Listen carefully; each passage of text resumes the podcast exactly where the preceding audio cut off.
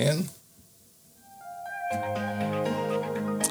Velkommen til en helt ny episode av podkasten Utafor, men innafor. Programledere er som vanlig Serelin Erlandsen og Edgar Waldmanis.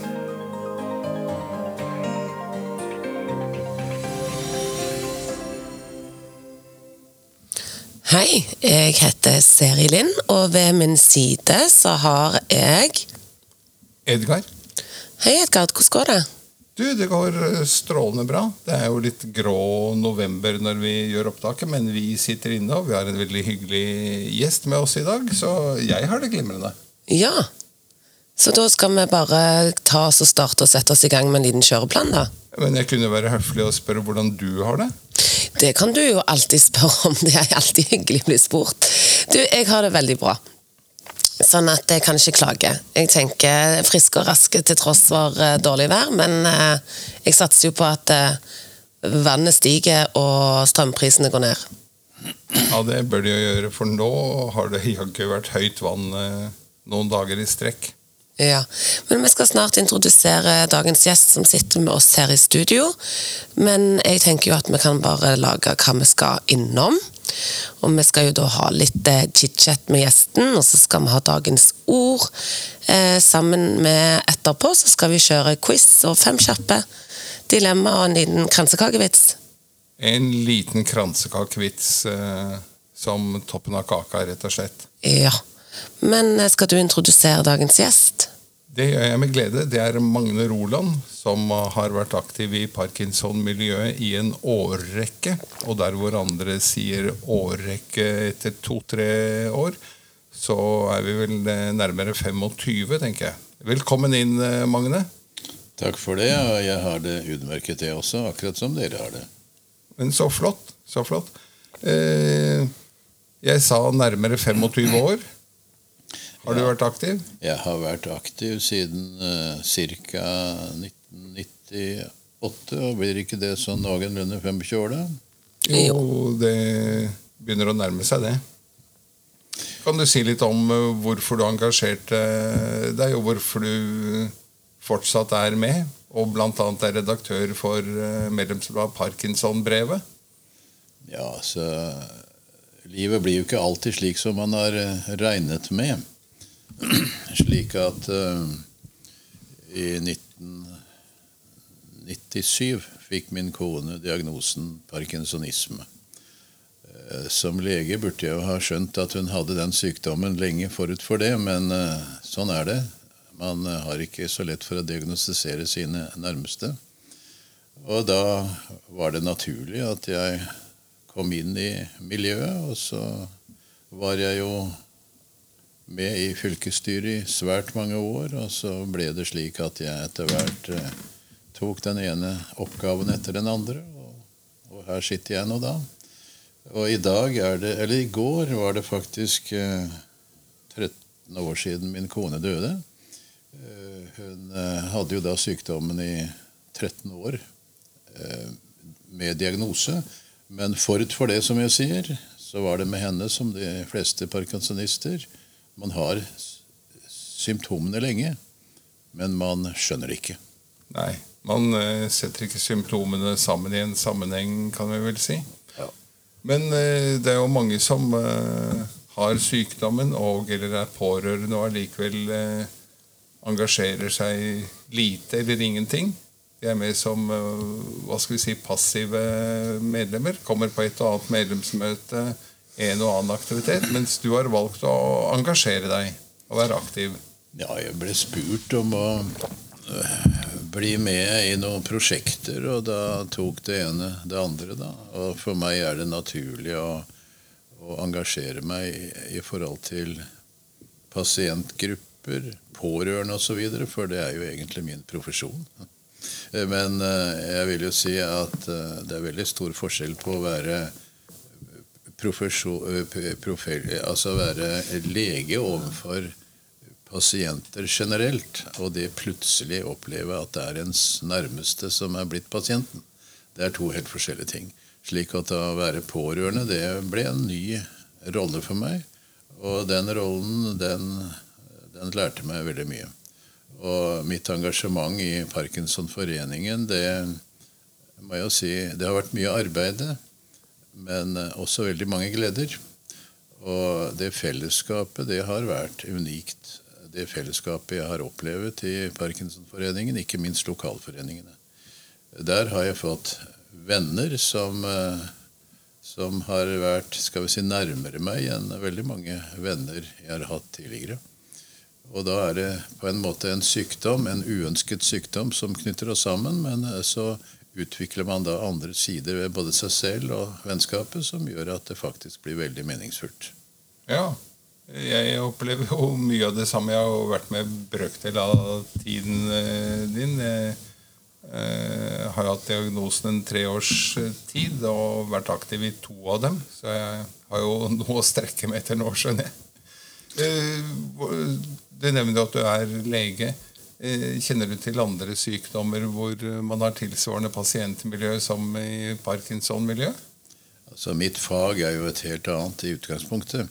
Men etter uh, vel 20 år i Parkinson-faget så må jeg nok si at jeg nesten føler meg som spesialist. Men altså, jeg, selvfølgelig jeg har jobbet ved det som kalles Oslo universitetssykehus det meste av mitt liv. og og en av våre oppgaver som profesjonelle, det er jo å gå inn og medvirke til og støtte pasientforeninger. Så det for meg har ikke vært noe ukjent. Så jeg har jo vært med i andre pasientforeninger. Men som sagt, å være med i en pasientforening som eh, pårørende, egenhendig pårørende, det var en helt ny eh, opplevelse. Hva, hva, vil du si til dem som i dag eh, sitter på utsiden, og så får de en telefon fra en valgkomité og sier kunne du tenke deg å stille til valg til styret? Og så sier folk at hmm. Ja, jeg vil si at, uh, at uh, man skal ikke være så veldig tilbakeholdne med å si ja til slike spørsmål. For uh, Selvfølgelig det medfører en god del forpliktelser, en del arbeid. Men uh, slik jeg ser det, og slik jeg opplevde det, så er jo på en måte gledene og fellesskapet uh, mye mer verdifullt enn det å stå utenfor. Og hvis man da har en sykdom i nær, uh, i nær familie, eller er den syke selv, så er det jo en veldig stor fordel da å kunne utveksle erfaringer med andre i samme situasjon. Og vi vet jo at i Norge er det jo ca. to promille av befolkningen som har parkinsonisme. Og så er det kanskje to til tre i familien i tillegg. Så det er jo ganske mange mennesker som er skal vi si, plaget av denne sykdommen. Og vi har alle hver våre erfaringer.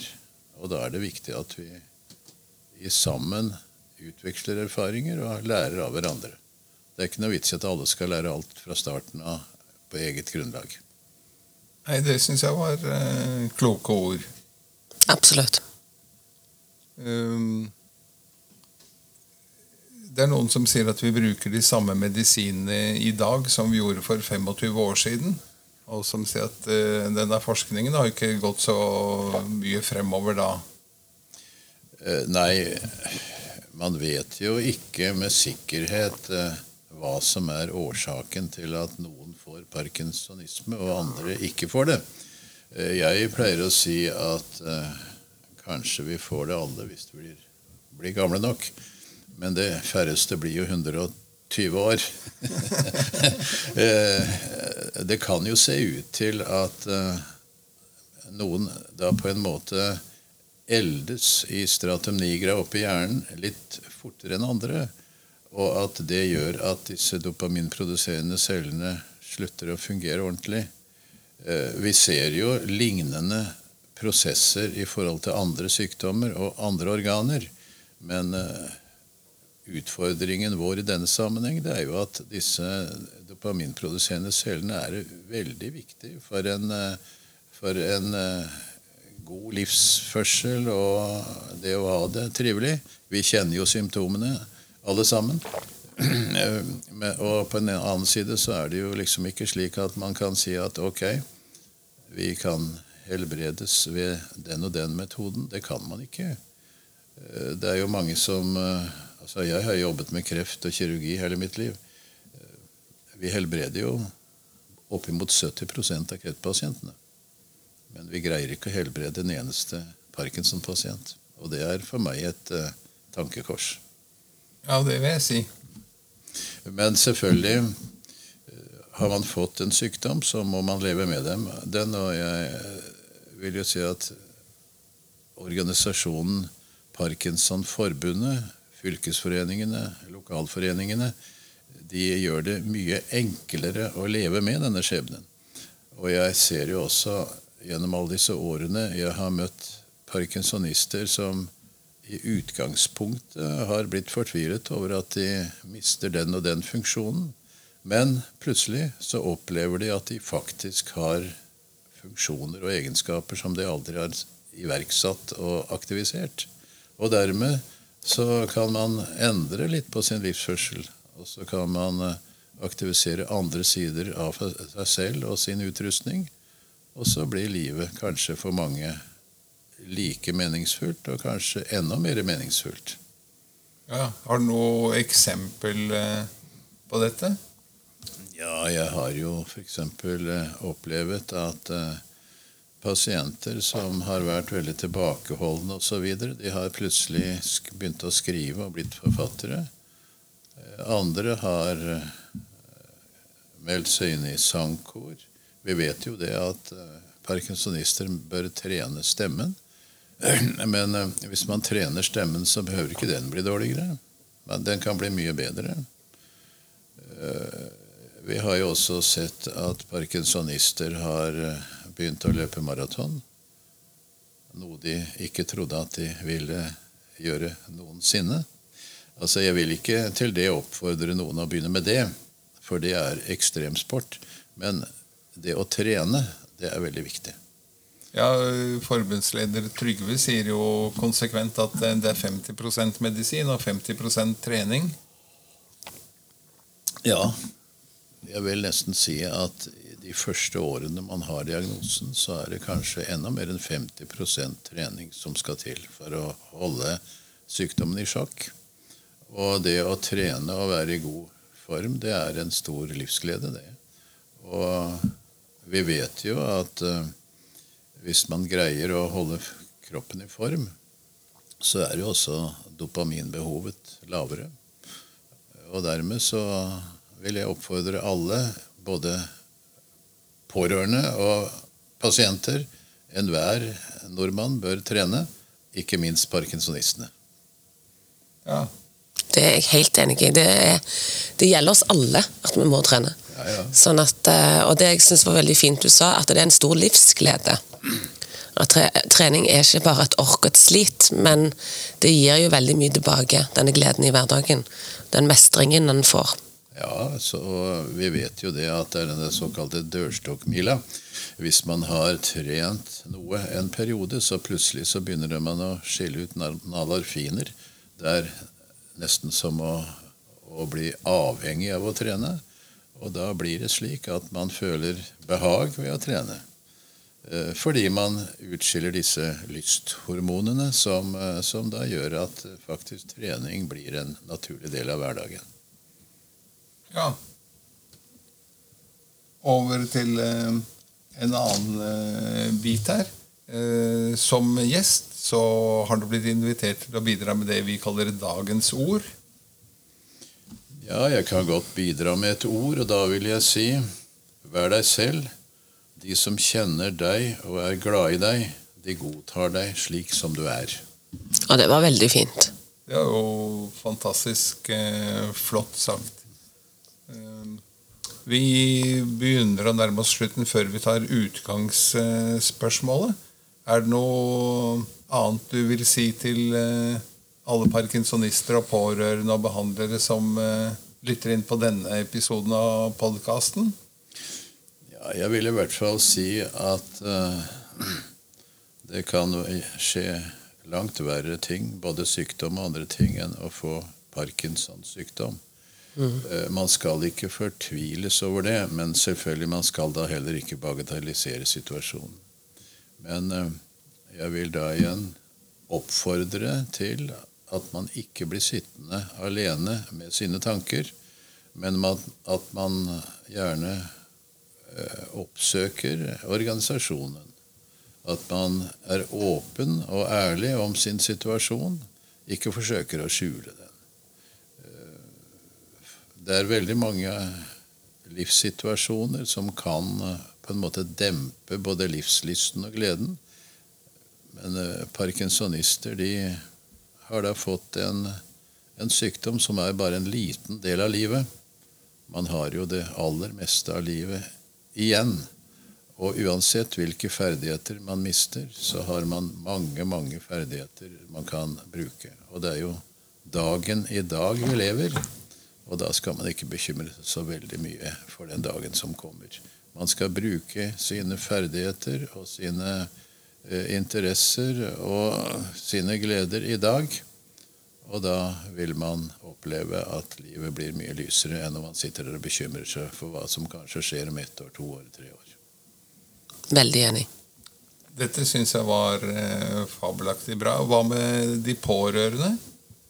Jeg ser Når jeg ser på medlemslistene, så ser jeg et stort sprik mellom eh, antall medlemmer som har diagnosen, og antall pårørende.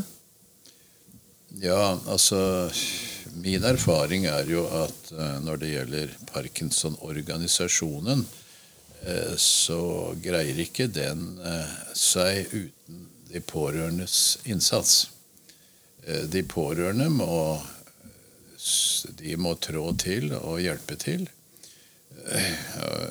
det å være pårørende kan være vanskelig, men, men det er ikke vanskeligere enn at det blir mye enklere hvis man er åpen og ærlig, som jeg sier.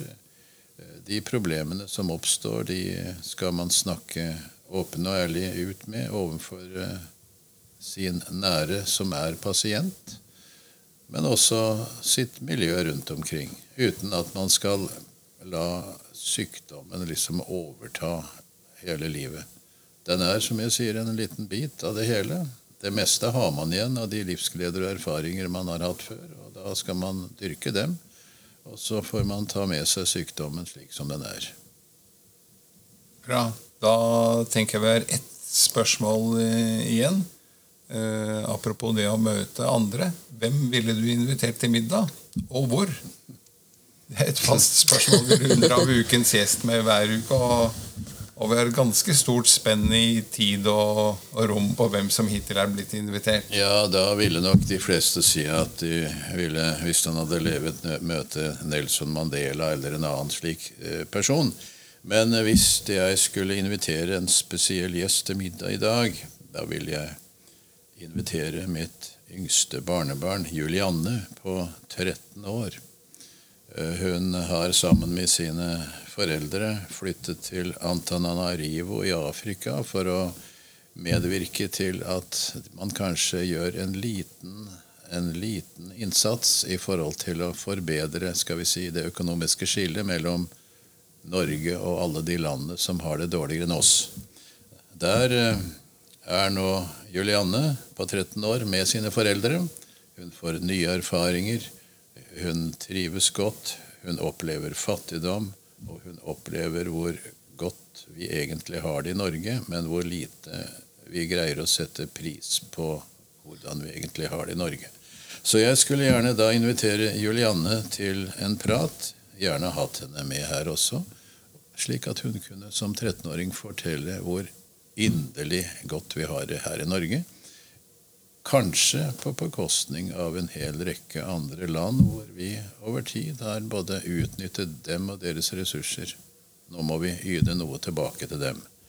Det har Julianne fortalt meg når hun har snakket med meg i telefonen. Og derfor hadde det vært veldig hyggelig å ha henne til middag, så vi kunne utdype det emnet. Det hadde vært veldig kjekt å være med på, faktisk. Absolutt. Hvilket, eh, litt på overtid, hvilket land i Afrika er det vi snakker om? Antananarivo det er hovedstaden på Madagaskar. Akkurat. Og Madagaskar er et av, landets, av verdens fattigste land. Det er jo for så vidt et uh, land som uh, er godt kjent i Norge i mange kretser. Men som sagt, eh, det er et fantastisk naturskjønt land. Men det har vært eh, misholdt rent politisk med korrupsjon og andre ting.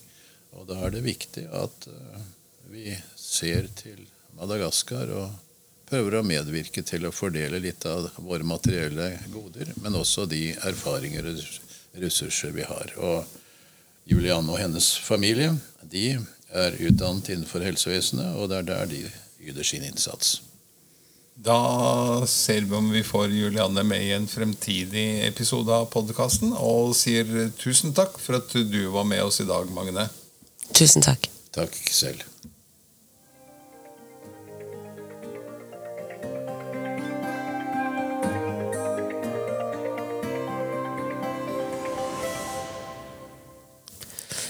Da har vi kommet fram til fem kjappe, og i dag er det du som skal stille meg, Edgar. Ja, det er litt eh, morsomt, da. Og da bare kjører vi rett på. Gønner på, som det heter i våre dager. Gønner på. Øl eller vin? Vin.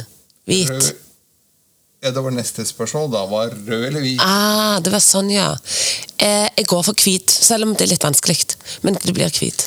Fransk eller australsk? Australsk. Og så bytter vi spor og sier teater eller TV. Og eh, eh, ikke lineær TV.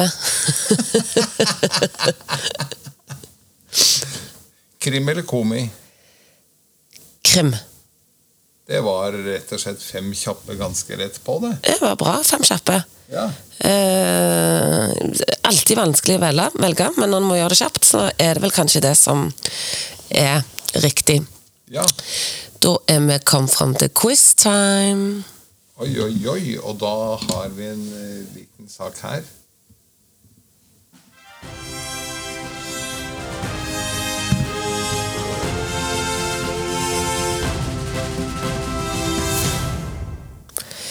Og da skal vi kjøre i gang med temaet vanskelige hovedsteder. Ja, Er du klar for det?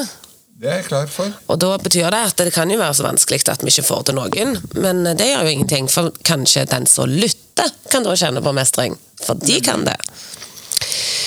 Hva er hovedstaden i Angola? Og det vet jeg et annet sted langt bak i Langt bak i der hvor vi produserer dopamin omtrent. Omtrent så langt bak.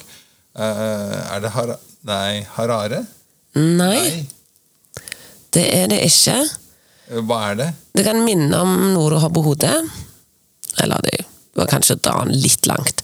Luanda. Ah, ja. Nei, den hadde jeg ikke tatt i dag.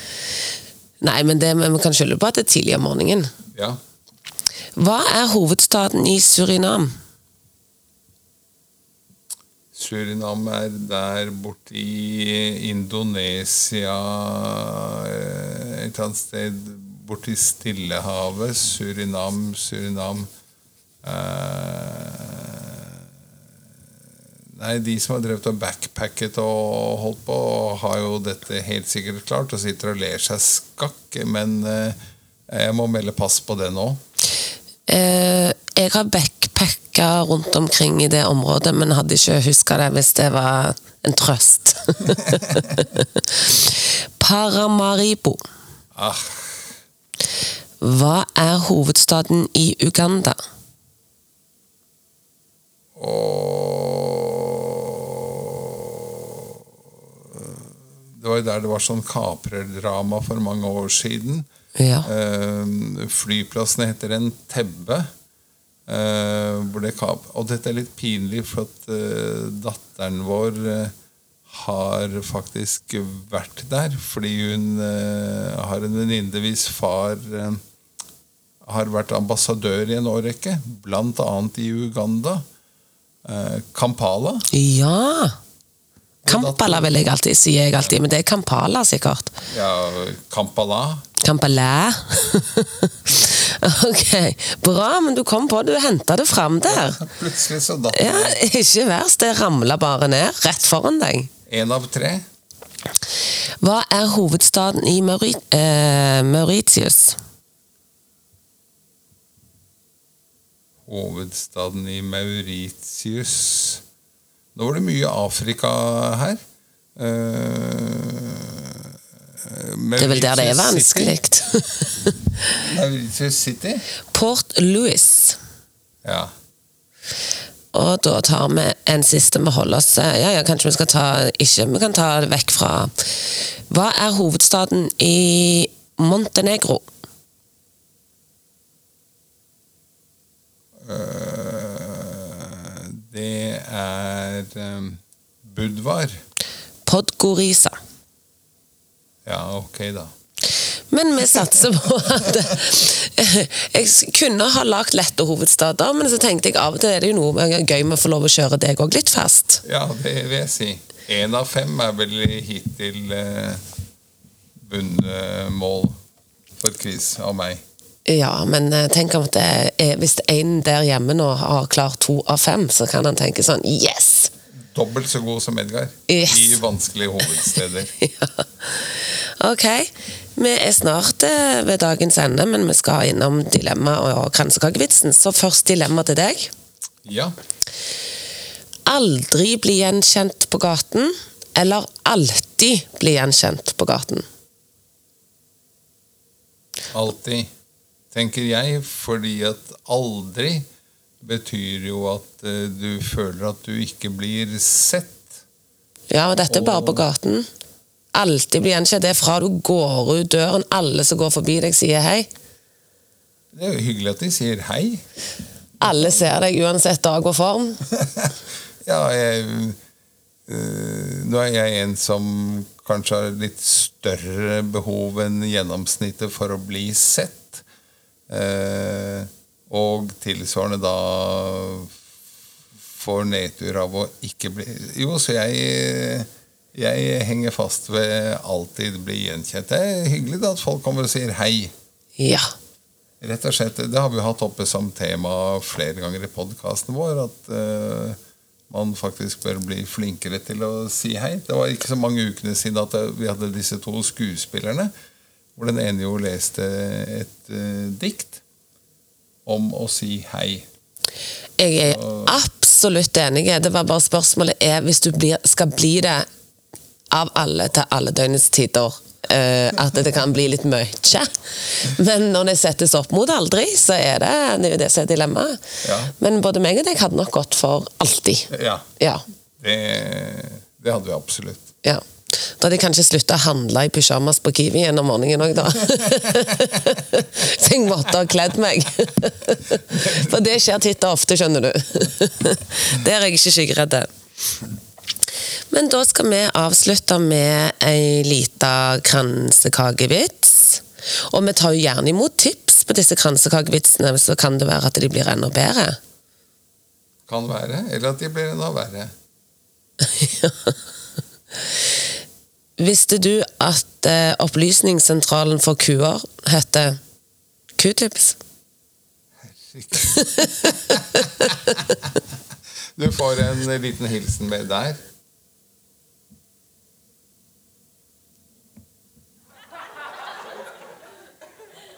Latter med delay? Latter med delay. Det var så dårlig at det tok litt tid før jeg fant riktig spak her. Men det går helt fint, det. Jeg tar, altså, applaus er applaus, er det ikke det? Jo, det, det kan man si der. Om den så er kjøpt på boks, så er det applaus. Så bra. Men da eh, takker vi for følget. Det gjør vi rett og slett.